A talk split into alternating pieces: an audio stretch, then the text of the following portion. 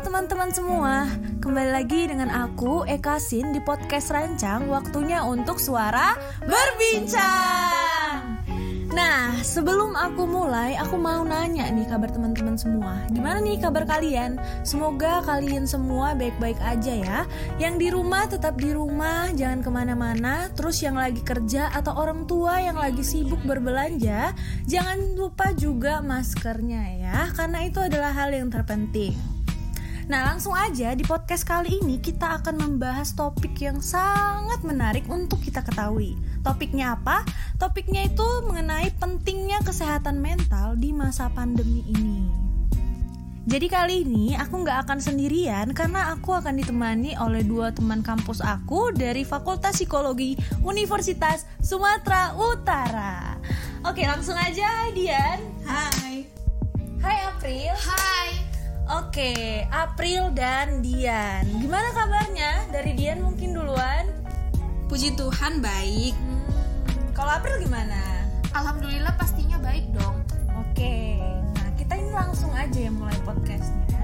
Jadi untuk pertama-tama aku mau nanya nih, kegiatan kalian nih selama masa pandemik apa aja? Ngapain aja gitu? Ayo ayo, siapa yang menjawab? Uh, kalau dari aku pastinya kuliah online, jalan sama pacar, jalan sama teman. Terus ya rebahan, makan, mandi ya gitu-gitu deh. Hmm, jadi kalau Dian gimana? Kalau aku hampir sama sih sama April. Aku juga kuliah online. Aku juga magang tapi secara online. Oh, magang online iya. ya, Dian? Tapi bedanya sama April, aku itu gak punya pacar, guys. Iya. Iya. Tapi kadang-kadang Oke. aku juga ketemu sama teman aku. Oke, kadang ya. Iya, kadang-kadang. Oke, itu dari Dian. Jadi kalau perasaan nih, gimana sih perasaan kalian selama masa pandemik? Apa nih yang kalian rasain? Stres, cemas, terus bosan. Kalau aku sih lebih ke bosan dan juga overthinking sih. Bosan, overthinking. Nah, Iya. kenapa tuh bosan? bosan karena gak ada sosialisasi di sini karena aku di rumah terus terus kalau overthinking itu karena banyak waktu kosong yang bikin aku itu kepikiran gimana sih masa depan aku nanti gimana kehidupan aku nanti gitu gitu deh Bener sih.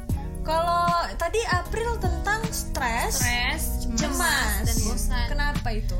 karena aku orangnya suka nongki sama teman-teman dan sama pacar aku jadi kalau misalnya aku nggak nongki dalam sehari kayak buat aku rasanya stres nggak bisa ke mana-mana di rumah terus Resah ya. Gitu. resah bosan juga gitu Terus kalau soal cemas, kadang kalau misalnya aku di luar lama-lama, orang tua aku tuh sering khawatir, marah-marah juga ke aku. Mereka takut dengan kondisi kesehatan aku. Iya benar sih.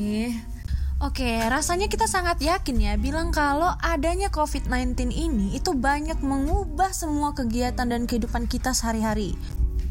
Contohnya, teman-teman yang kuliah kalau dulu itu bisa ke universitas.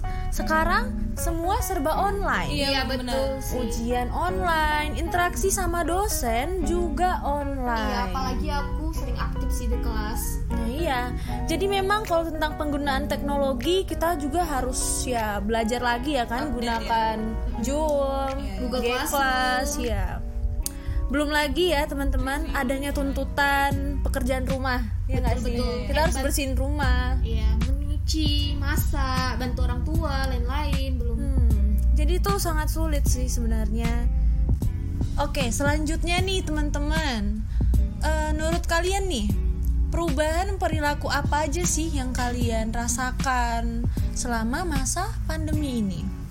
kalau dari aku sih aktivitas belajar ya sistem perkuliahan yang dulunya offline sekarang harus jadi online Iya. nah kadang deadline-nya juga mepet Iya Iya benar, aku juga sampai pernah begadang. Iya. Sering pun bahkan.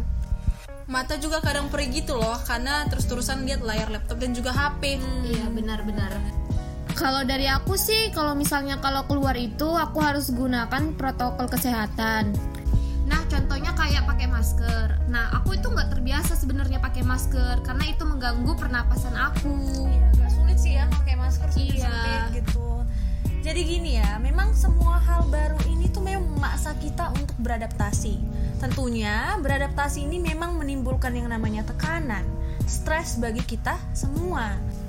Nah, masalahnya di tengah kita lagi beradaptasi, itu studi kita, pekerjaan kita harus jalan terus. Kantor dan pekerjaan kita juga harus tetap menuntut kita untuk produktif seperti biasanya kan. Jadi ada masalah di mana kita itu harus menyeimbangkan adaptasi tadi dengan tuntutan studi agar kesehatan mental kita itu terjaga.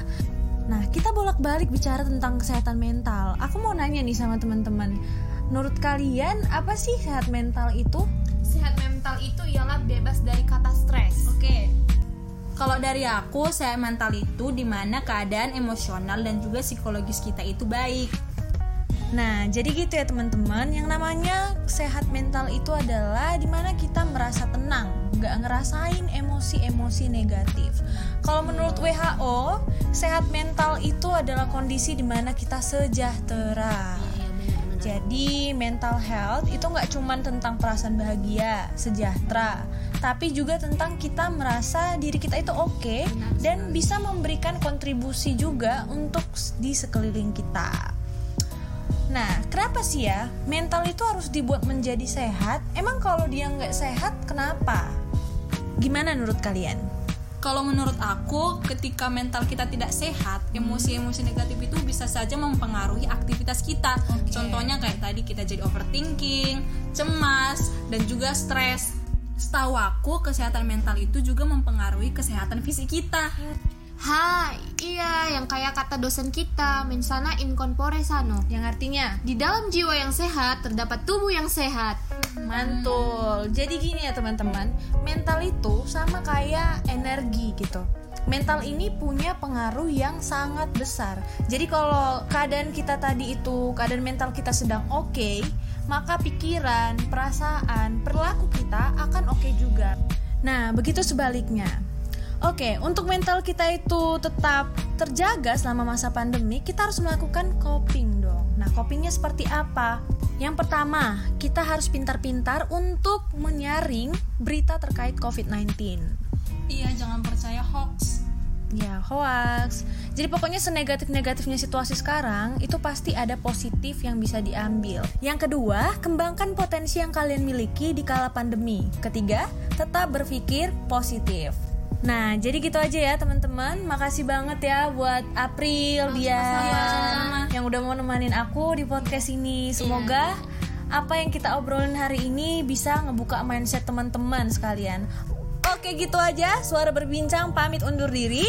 Semangat beradaptasi, stay healthy and keep the positivity. Bye bye.